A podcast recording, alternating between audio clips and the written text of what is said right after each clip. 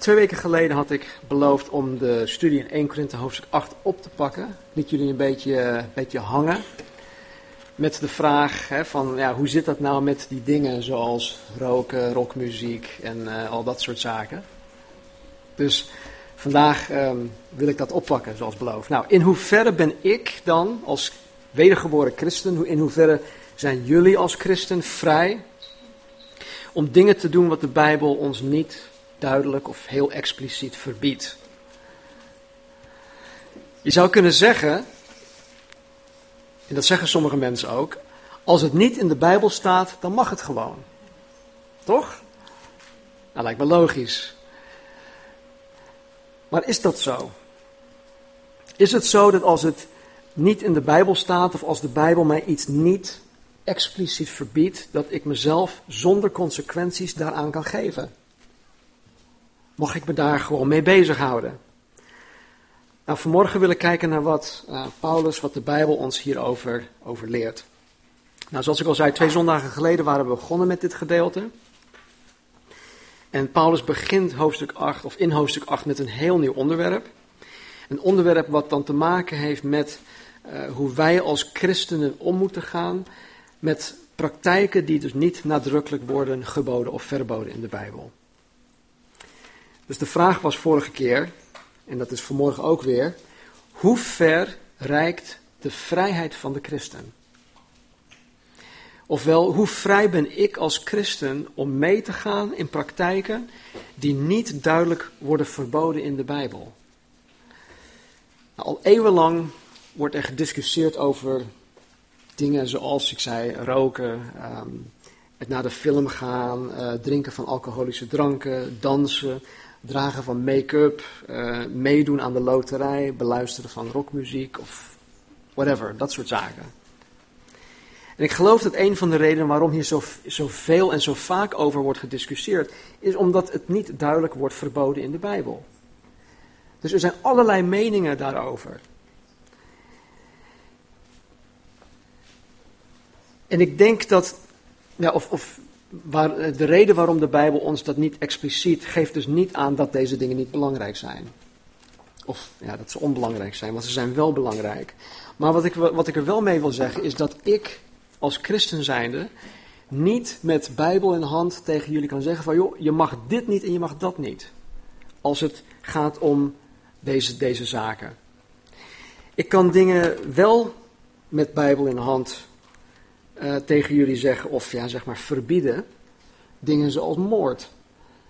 Dingen zoals diefstal, eh, hoererij, hebzucht, egoïsme, ontrouw, ongeloof enzovoort enzovoort. Want die dingen staan wel heel duidelijk omschreven in de Bijbel als not done. Dus met dat soort dingen kan ik wel tegen men naar jullie toe komen. Eh, sorry, maar dat moet je echt niet doen. Want het staat geschreven. Maar tegelijkertijd gebiedt de Bijbel ons om goede dingen te doen. Zoals Paulus, of Paulus, Paul vanmorgen ook al zei en vorige week. Heb God lief met heel je hart. Met heel je kracht en ziel en verstand. De Bijbel gebiedt ons om dat wel te doen. Elkaar lief te hebben. Elkaar te dienen. De Heer te, eh, te aanbidden. Getuigen zijn. Handelingen 1 vers 8. Enzovoort enzovoort. Nou, de dingen die duidelijk geboden of verboden worden, zijn heel zwart-wit. Het is heel duidelijk te kunnen onderscheiden. De meeste van ons kunnen die dingen wel onderscheiden, want ze zijn of goed of ze zijn slecht. En met dit soort dingen is er geen middenweg. Maar vele praktijken, vele gedragingen worden in de Bijbel niet expliciet verboden. En deze dingen zijn dus niet zwart-wit. Deze dingen zijn niet makkelijk te kunnen onderscheiden, want ze vallen in het grijs gebied. En Paulus geeft ons in 1 Korinthe de juiste manier om met dit grijs gebied om te gaan. Dus laten we onze Bijbels openslaan tot 1 Korinthe hoofdstuk 8 en dan pakken we het gewoon bij um, vers 1 op. Vader, ik, ik wil u bidden, Heer, dat u ons uh, ogen, onze harten, onze oren opent. Voor datgene dat u ons wil laten zien wat de geest tot ons te spreken heeft, Heer, en wat wij nodig hebben in ons hart. Dus Heer, doe wat u alleen kan doen, door uw heilige geest. Dank u wel. Amen. Vers 1. En nu iets over de dingen die aan de afgoden geofferd zijn. We weten dat we alle kennis hebben. De kennis maakt opgeblazen, maar de liefde bouwt op. Als iemand denkt iets te weten, dan heeft hij nog helemaal niet leren kennen zoals men behoort te kennen. Maar als iemand God lief heeft, is die door hem gekend. Wat dan het eten betreft van de dingen die aan de afgoden geofferd zijn, we weten dat een afgod niets is in de wereld en dat er geen andere God is dan één. Want al zijn er ook die goden genoemd worden, het zij in de hemel of op aarde, zoals er vele goden en vele heren zijn, toch is er voor ons maar één God, de Vader, uit wie alle dingen zijn. En wij zijn er voor Hem. En één Heere, Jezus Christus, door wie alle dingen zijn en wij door Hem. Maar niet in allen is de kennis. Sommigen echter, die in hun geweten tot nu toe niet los zijn van de afgod, eten alsof zij een afgodenoffer eten. En hun geweten, dat zwak is, wordt bevlekt. Voedsel nu brengt ons niet dicht bij God. Immers, als we eten, zijn we er niet meer om, en als we niet eten, zijn we er niet minder om. Maar let erop dat deze vrijheid van u niet op een of andere manier een aanstoot wordt voor de zwakken. Want als iemand u deze, die deze kennis hebt in een afgodstempel aan tafel ziet zitten, zal dan zijn geweten, omdat het zwak is, er niet in gesterkt worden om de dingen te eten die aan de afgoden geofferd zijn? En, en zal dan de broeder die zwak is door uw kennis verloren gaan?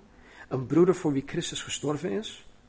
Door echter zo tegen de broeders te zondigen en hun geweten, dat zwak is, te kwetsen, zondigt u tegen Christus. Daarom, als het voedsel een aanstoot wordt voor mijn broeder, dan zal ik in eeuwigheid geen vlees meer eten, opdat ik mijn broeder geen aanleiding geef tot vallen. Paulus gaat hier in op de vraag of het de christen is toegestaan om vlees te eten dat geofferd is aan afgoden. Nou, hier in Nederland kennen wij dit specifiek probleem niet. Maar de bredere toepassing van dit, van dit heel schriftgedeelte heeft wel degelijk betrekking op elke christen, op elke wedergeboren christen. De onbekeerde Grieken van die tijd waren polytheïstisch. En dat is een mooi woord voor gewoon te zeggen dat ze meerdere goden vereerden. Ze vereerden en aanbaden meerdere goden.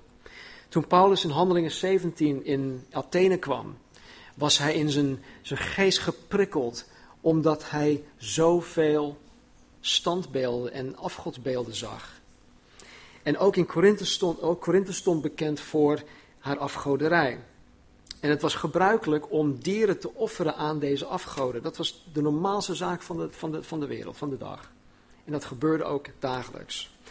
Nou, bij het offeren van zo'n dier werd één gedeelte op het brandaltaar gelegd en geofferd. Het tweede gedeelte werd aan de priester gegeven als, als een soort vergoeding voor het priesterlijk, uh, de priesterlijke dienst. En het derde gedeelte mocht uh, door degene die het offer bracht mee naar huis genomen worden.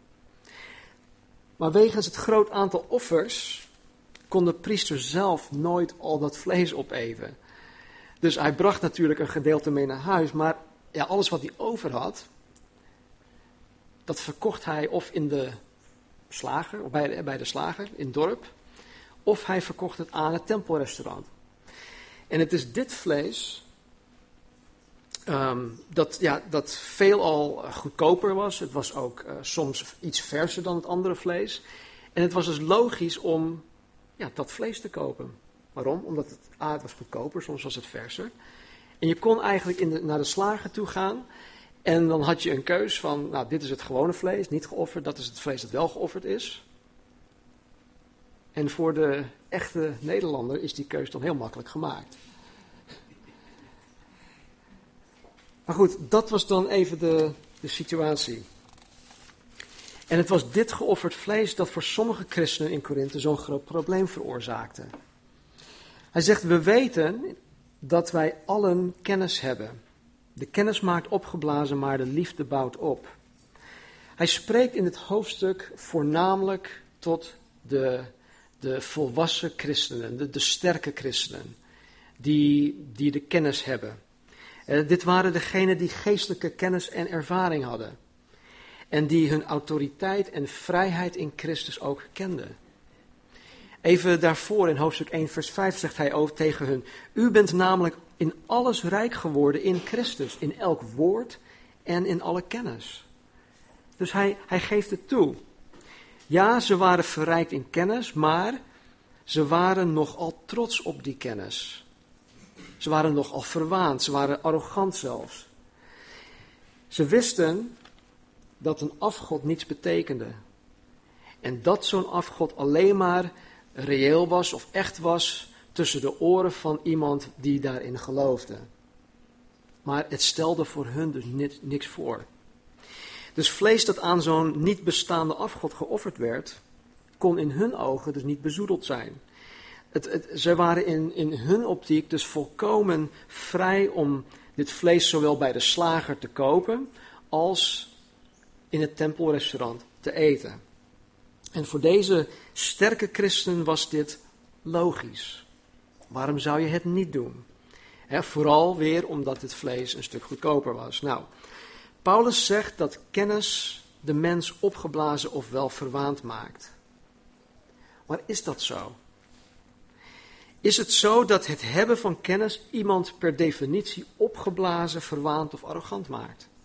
Nou, ik geloof van niet. Ik geloof niet dat het hebben van kennis iemand gewoon opgeblazen of verwaand of arrogant maakt. Waarschijnlijk citeert Paulus hier een motto dat door de Corinthiërs zelf gebruikt werd om hun eigen daden te, te, te rechtvaardigen. Wij hebben de kennis, dus wij mogen dit. Met andere woorden, er, waren mensen in de kerk in Korinthe die dachten dat zij alle kennis in bezit hadden. Dat zij de leer of de doctrine hadden. Dat zij het hadden. Zij wisten het. En met die kennis kwam dus een, een bepaalde arrogantie van, hé, hey, wij in Korinthe, wij zijn het, wij hebben het. En daar, daar, daar gaat Paulus nu dus op in. Omdat ze van zichzelf dachten, hè, of dat ze van zichzelf dit dachten, dat ze alles kenden, hadden ze dus een hoge dunk van zichzelf gekregen. Ze waren opgeblazen, ze waren verwaand, ze waren arrogant. En ze dachten, omdat het voor hun allemaal zo logisch leek, dat zij het bij het rechte eind hadden.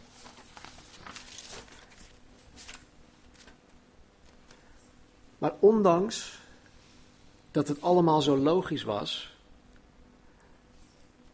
vraag ik me af, waarom was er dan zo'n groot probleem? Omdat je als christen zijnde in de gemeente van Jezus Christus niet puur op basis van logica hoort te handelen. Hoe logisch sommige dingen ook zijn. En hoe gelijk wij ook kunnen hebben. Er is een hogere macht waarmee God met ons tot zijn doel wil komen. En dat is wat Paulus deze verwaande christenen duidelijk probeert te maken. Denk even met me mee. Jullie die kleine kinderen hebben of kennen. Je kan bijvoorbeeld een klein kind met allerlei logische argumenten proberen duidelijk te maken dat hij niet bang hoeft te zijn van het donker. Je kan, je kan heel veel logische redenen geven waarom hij of zij niet bang hoeft te zijn voor het donker. Maar uiteindelijk zal het niet jouw kennis of jouw logica zijn die dat kindje gerust zal stellen. Of, of wel, ben ik, ben ik de enige die dat uh, zo denkt? Nee, toch? Nee, het is de liefde die je toont aan dat kindje. Door bij dat kind te blijven. Door met dat kindje te bidden. Door, de, door dat, of, hè, te wachten tot dat kindje in, in slaap valt. Misschien moet je een nachtlampje aanzetten. Misschien moet je de deur op een kier laten. Het is niet jouw logica of, of jouw kennis of je wetenschappelijke whatever die dat kind uiteindelijk gerust zal stellen. Nee, het is de liefde die je aan dat kind toont. Kennis op zich maakt een persoon niet opgeblazen, maar ik denk de toepassing van die kennis kan een persoon opgeblazen maken. Kennis kan als een wapen gebruikt worden om mee te vechten. Of het kan gebruikt worden als een middel waarmee opgebouwd kan worden. Het is één ding om jouw leer, om jouw doctrine op orde te hebben. alles op, op orde. Maar het is een heel ander ding om God te kennen. Het is ook heel goed mogelijk om te groeien in je Bijbelkennis, maar niet te groeien in Gods genade of in je eigen persoonlijke relatie met God. Dus de kennis die puur vanuit een logica te werk gaat, zonder dat het rekening houdt met anderen, maakt de mens verwaand. Het maakt de mens opgeblazen. Maar, Paulus zegt, de liefde bouwt op. Vers 2. Als iemand denkt iets te weten, dan heeft hij nog helemaal niet leren kennen zoals men behoort te kennen. Met andere woorden, als iemand meent alles te weten, en die mensen die hebben wij, die kennen we ook, die bedweters, die hebben op alles een antwoord. Als iemand meent alles te weten, dan weet hij nog lang niet wat hij zou moeten weten. Maar, zegt Paulus in vers 3, als iemand God lief heeft, is die door hem, dus door God, gekend. Nou, waar mijn geloof op neerkomt, is relatie. Ik zal God nooit leren liefhebben zonder een persoonlijke relatie met God te hebben, te onderhouden, te koesteren. En door God lief te hebben, door die liefdesrelatie met God, ben ik gekend door Hem. Dat wil zeggen dat er intimiteit is vanuit God naar mij toe. Dit klinkt misschien raar, maar in het Oud Testament stond er dat Adam Eva kende. En daaruit kwam Kain voort. Nou, dat kennen heeft te maken met intimiteit. In dat specifiek geval dan met, ja, met geslachtsgemeenschap. Maar dat is heel intiem tussen man en vrouw. En ik geloof dat wat, wat Paulus hier ook zegt, is dat in de relatie die ik met God persoonlijk heb, dat Hij, dat vanuit God intimiteit naar mij toekomt. En dat Hij mij heel dicht bij, bij zich wil hebben. Daarom ben ik door God gekend. Als ik God lief heb, dan ben ik door Hem in die op die manier gekend. En dat is veel belangrijker dan, dan alle kennis die ik maar kan vergaren. En dat zegt Paulus dus ook. Eh, dat is pas belangrijk. Door God op die manier gekend te worden, te zijn. Natuurlijk kent God alles. Hè? We, we, zeggen altijd, ja, hij weet alles van me. Hij kende me zelfs in de moederschoot. Hij weet alles. Dus daar gaat het niet om. Het gaat niet om het weten. Nee, het gaat om intimiteit. En dat is het belangrijkste. Vers 4. Wat dan het eten betreft van de dingen die aan de afgoden geofferd zijn. We weten dat een afgod niets is in de wereld en dat er geen andere God is dan één. Want al zijn er ook die goden genoemd worden, het zij in de hemel of op de aarde, zoals er vele goden en vele heren zijn, toch is er voor ons, voor wij christenen, maar één God. De Vader uit wie alle dingen zijn, en wij zijn er voor Hem.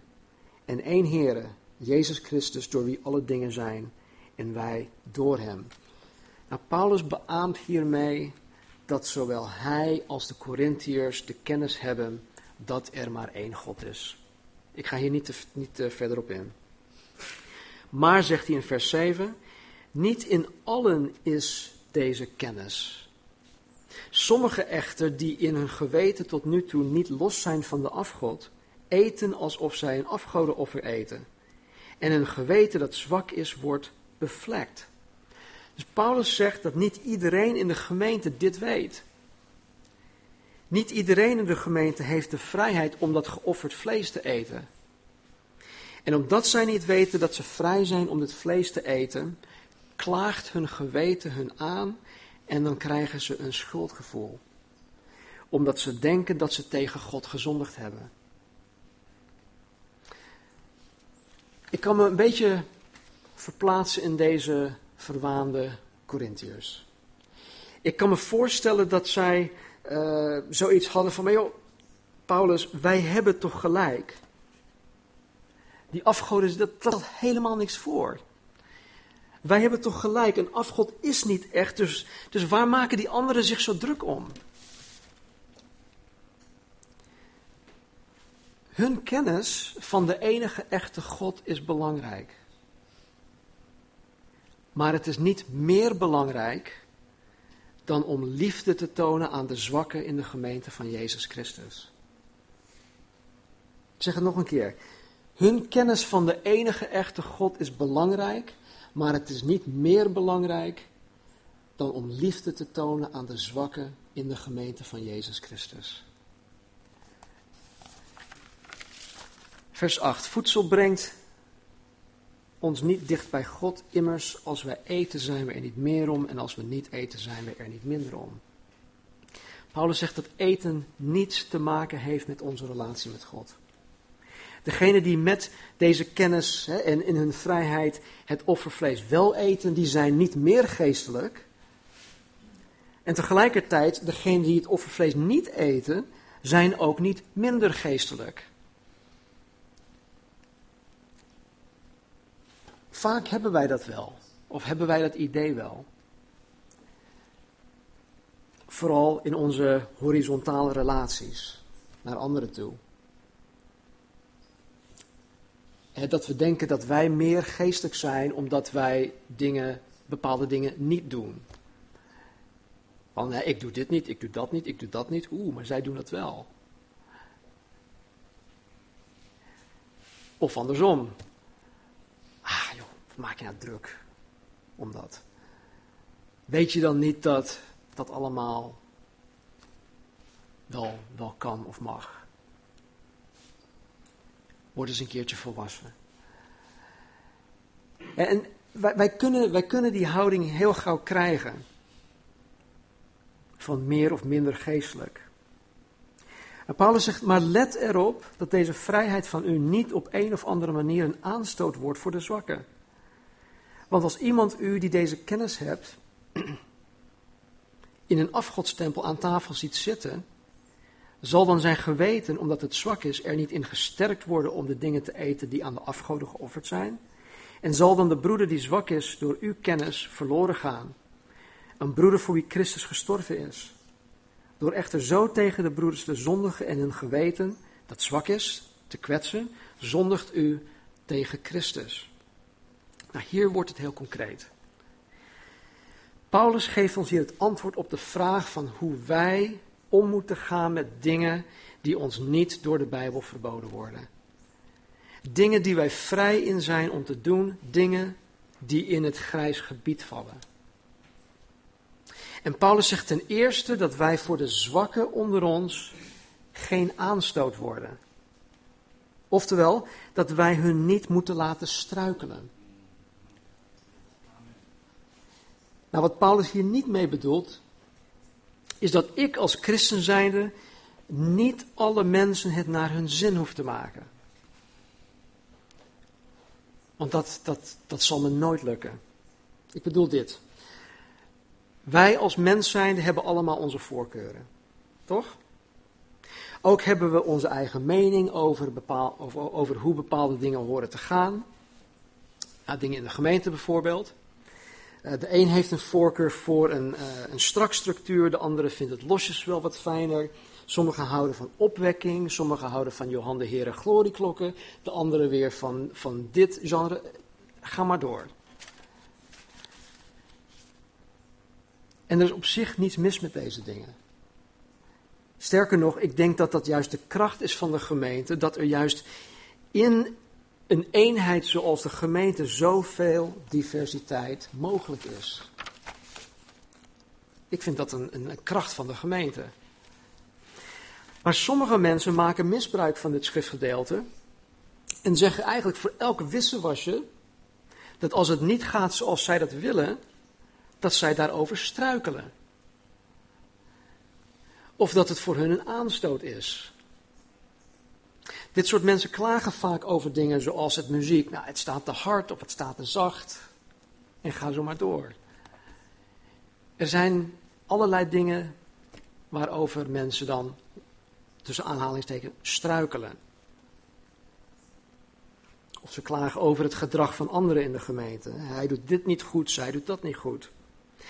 Maar dit heeft dus niets te maken met wat Paulus hier ons leert. Dit heeft puur te maken met, met eigen mening, met persoonlijke voorkeur en met wat men ergert of irriteert. Want ik krijg soms wel eens mensen op mijn pad die zich irriteren aan iets, of die zich ergeren aan iets, maar dan valt het onder het mom van, hé, hey, je laat me struikelen. Maar daar heeft Paulus het dus niet over. Waar het wel om gaat is dit. Is dat een aanstoot zijn, ofwel het laten struikelen betekent dat wij de zwakke broeders en zusters onder ons aanzetten tot zonde. Daar gaat het om. Het aanstoot zijn of het laten struikelen betekent dat dat wij de zwakke broeders en zusters onder ons aanzetten tot zonde. En dat horen wij dus niet te doen.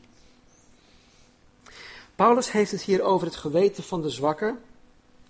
En waar het om gaat om dingen die wij wel of niet horen te doen, spreekt de Heilige Geest tot wat? Tot ons geweten. God heeft ons een geweten gegeven. En de Heilige Geest spreekt tot ons geweten. En als mijn geweten mij iets niet toelaat om te doen, iets dat in het grijs gebied is, dan is het voor mij persoonlijk beter dat ik het niet doe. Want als ik het wel doe, dan gebeurt er iets met mij. Iets dat schadelijk is voor mijn persoon en het is schadelijk voor mijn relatie met Jezus. En alhoewel de daad op zich niet slecht hoeft te zijn, wordt het slecht als het gedaan wordt tegen mijn geweten in. Als ik mijn geweten negeer, als ik tegen mijn geweten in toch iets doe, dan raak ik in verwarring. Misschien niet meteen, maar op den duur raak ik verward. Bovendien krijg ik schuldgevoelens. Want ik doe iets waarvan mijn geweten mij zegt dat het fout is, dat het zondig is. En als ik het één keer heb gedaan, dan kan het zo zijn dat de waarschijnlijkheid dat ik het nog een keer doe of blijf doen veel groter wordt. De eerste keer is altijd het moeilijkst. En wie van ons heeft ooit gedacht, in zo'n geval, van ja, joh, ik, ik heb het toch al gedaan. Ik heb het toch al verknald. Wat maakt het nou uit of ik het nog een keer doe? Of als ik het gewoon blijf doen? Weet je, dit is waar Satan ons wil krijgen. Dat wij tegen ons geweten in bewust zondigen. Want dat zal ons in een neerwaarts spiraal doen terechtkomen. En eenmaal in zo'n neerwaarts spiraal is het goed mogelijk om helemaal van je geloof af te vallen. En dat bedoelt Paulus met het, het verloren gaan van je broeder. Degene waarover hij het heeft, de zwakke, dat, dat waren waarschijnlijk pas bekeerde mensen. Mensen die pas tot geloof waren gekomen, die nog helemaal vast zaten in een, aan een oud leven.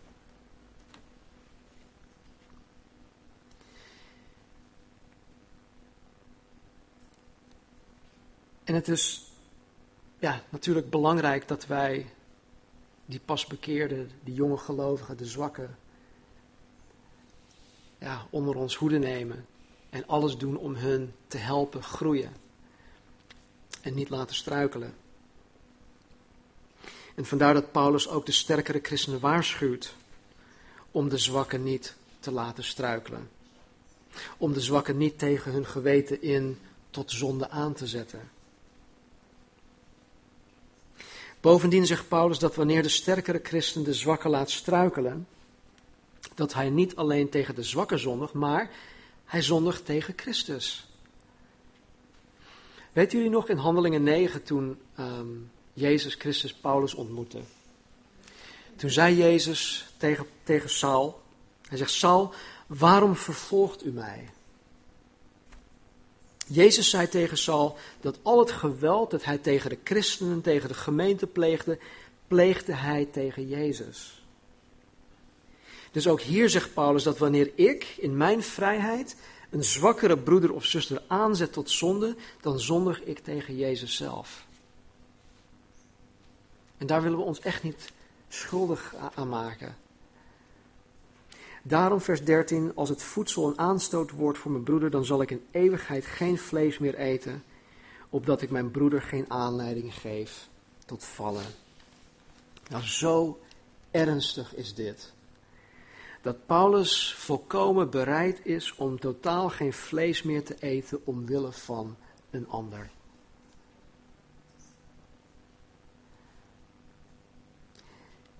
En ik geloof dat dat is wat God van jou en van mij verwacht als het gaat om onze vrijheid, om de dingen te doen of te laten die in het grijs gebied zijn. De Bijbel verbiedt mij niet om af en toe een glas wijn of een biertje te drinken. Als dat wel zo is, dan wil ik dat heel graag zien. En ik drink op jaarbasis misschien vijf glazen wijn. Misschien ook vijf biertjes. Ik weet niet of jullie dat veel vinden, of jullie dat weinig vinden, dat doet er niet toe, maar dat is ongeveer wat ik consumeer.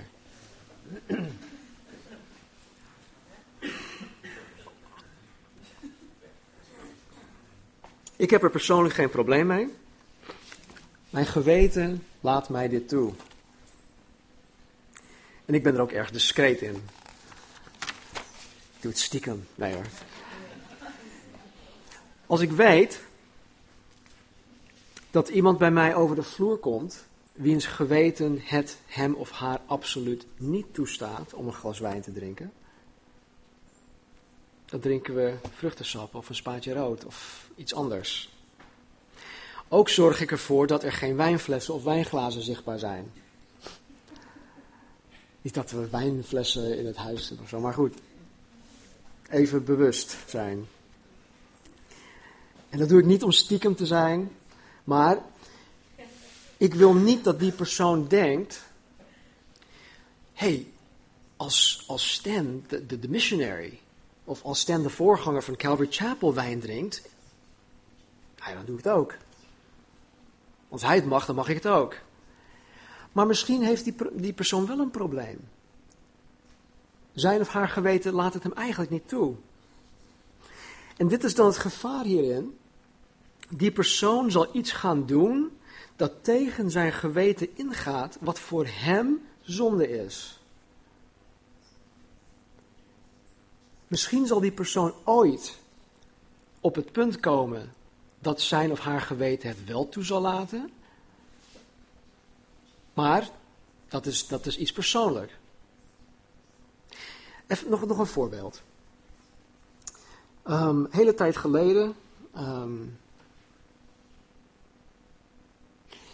had, ik, had ik een gesprek met iemand. Um, en dat ging over. Mm, nee, dat is geen goed voorbeeld, sorry. Waar het om gaat is dit.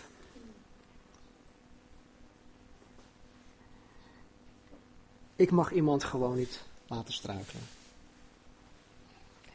En stel dat Carla vindt van, joh, Stan, uh, je mag echt geen vijf glazen wijn per jaar drinken. Dat, dat kan niet, je bent voorganger, je bent ons grote voorbeeld. Ik noem maar wat. En als ik weet dat zij er moeite mee heeft, dan kap ik er meteen mee. En dat is de houding. Dat is, dat is dan wat belangrijk is. We hebben een wet van, van, van uh, regeltjes, hè, wat, je, wat je wel mag en wat je niet mag. Maar er is nog een, een, een meer belangrijkere wet, de wet van liefde naar elkaar toe. En dat hoort te allen tijden het allerbelangrijkste te zijn en de, de boventoon te voeren. Nou, tot slot nog één voorbeeld. In mijn ervaring, en ik, ik bedoel dit niet persoonlijk, dus voel je absoluut niet aangesproken als dames zijnde. Oké? Dus even een, disclaimer, maar het is even een voorbeeld. In mijn ervaring voelen sommige dames zich helemaal vrij om zich niet al te bescheiden te kleden. En dat, dat bedoel ik niet hier, maar gewoon in het algemeen. En begrijp me niet verkeerd, dames mogen zich in mijn mening gewoon leuk aankleden. Dat is, dat is hartstikke goed. Maar als er een beetje te veel huid zichtbaar is, of als je rondhuppelt met je decolleteetje, dan ben je voor sommige mannen, sommige jongens, maar ook oudere mannen, een lust voor het oog. Waardoor je deze mannen of jongens aanzet tot zonde. En dan kan je zeggen, joh, ik ga mijn kledingstijl toch niet veranderen voor zo'n voor zo'n viezerik. Dat is zijn probleem. Laat hem maar naar God toe gaan. Het is zijn zonde. Nou, dat is juist precies wat we niet moeten doen. Dit is precies wat Paulus ons hier duidelijk probeert te maken. Hij zou tegen deze jonge dame of deze oudere dame zeggen: Omwille van de zwakkere broeder, hè, in jouw optiek misschien die viezerik, let alsjeblieft op met hoeveel huid je laat zien, omwille van hem. Er zijn nog veel meer voorbeelden, maar ik, ik hoop dat jullie de essentie krijgen van wat, wat, hier, wat hier belangrijk is. Over dit onderwerp zegt Paulus in 1 Korinthe hoofdstuk 10 vers 23. Alle dingen zijn mij geoorloofd, maar niet alle dingen zijn nuttig. Alle dingen zijn mij geoorloofd, maar niet alle dingen bouwen op. Met andere woorden, niet alles dat ik in mijn vrijheid mag doen is nuttig en bevorderlijk voor mijn broeders en zusters in Christus. Niet alles dat ik in mijn vrijheid mag doen zal bijdragen aan de algehele opbouw van de gemeente. Mijn vrijheid in Christus mag dus nooit aanstoot geven. Het mag nooit een ander belemmeren om dichter tot Jezus te komen. Het mag nooit iemand in de weg staan om überhaupt tot geloof in Jezus te komen. Dus hoe zit het dan met het roken? Met rockmuziek, met de loterij, met kaarten. Dat is voor jou persoonlijk. Kaarten, kaarten spelen? Poker, ja, of whatever. um, dat is persoonlijk. En het is aan ieder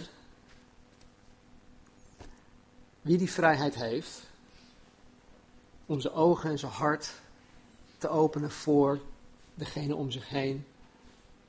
Om te kijken of datgene dat je doet een ander laat struikelen. Dat is liefde. Laten we bidden. Vader, ik dank u dat uw woord zo duidelijk is. En dat u ons, Heer, erin wil leren, Vader, hoe wij met elkaar om moeten gaan. En Heer, ik weet dat naarmate wij steeds meer op Jezus gaan lijken, naarmate wij steeds meer van uw woord en, en uw hart gaan leren kennen. Heren, dat, dat we opgebouwd zullen worden. En heren, dat de, de mensen in ons, in ons leven, Heer, de mensen die wij kennen, onze familie en vrienden, kennissen, Heer, onze buren, onze collega's, klasgenoten, schoolgenoten, Heer, dat, dat ook zij het zullen opmerken. Dat ook zij zullen zien dat Jezus Christus in ons leeft. Want Heer, het is de liefde die wij voor elkaar hebben en tonen. Dat bewijst wie wij zijn. Volgelingen, leerlingen, discipelen van Jezus. Dus Heer, help ons. Help ons om zo te worden. Steeds meer. Zodat de buitenwereld, Heer, ons kan zien zoals u bent. En of het nu gezamenlijk is, in een dienst, of wanneer we thuis zijn, of waar we ook zijn. Dat het leven van Jezus Christus, de volheid, ook het volle mogen uitdragen. Help ons daarbij. Heer, we hebben uw hulp nodig. Dank u wel, Heer. Dank u wel voor de vrijheid die wij hebben in Jezus Christus. Tegelijkertijd bid ik u, Heer, dat u ons laat zien waar wij misschien een gedeelte van onze vrijheid in moeten leveren omwille van een ander. Omwille van uw naam, de naam van Jezus. Amen. Amen. Laten we gaan staan.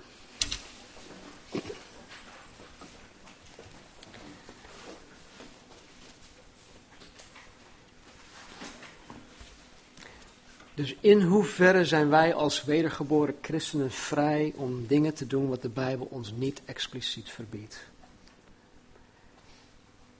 Ik hoop dat het woord dat gezaaid is vandaag met jullie meegaat, dat jullie ook meedragen, ook de week in. En dat Gods geest, hè, die de nazorg levert, dat Hij het ook tot onze herinnering zal brengen en blijven brengen. En dat we meer en meer bewust zullen gaan worden van de mensen om ons heen. En dat we opgebouwd gaan worden. En dat we gesterkt gaan worden. En dat we de liefde van Jezus Christus niet alleen met elkaar delen, maar ook in het bijzonder met degene die Hem nog helemaal niet kennen. Dus wees gezegend, heb een goede week. Wees vervuld met de geest. Lees je Bijbel. Elke dag weer. God zal je niet teleurstellen. God zegen jullie. Amen.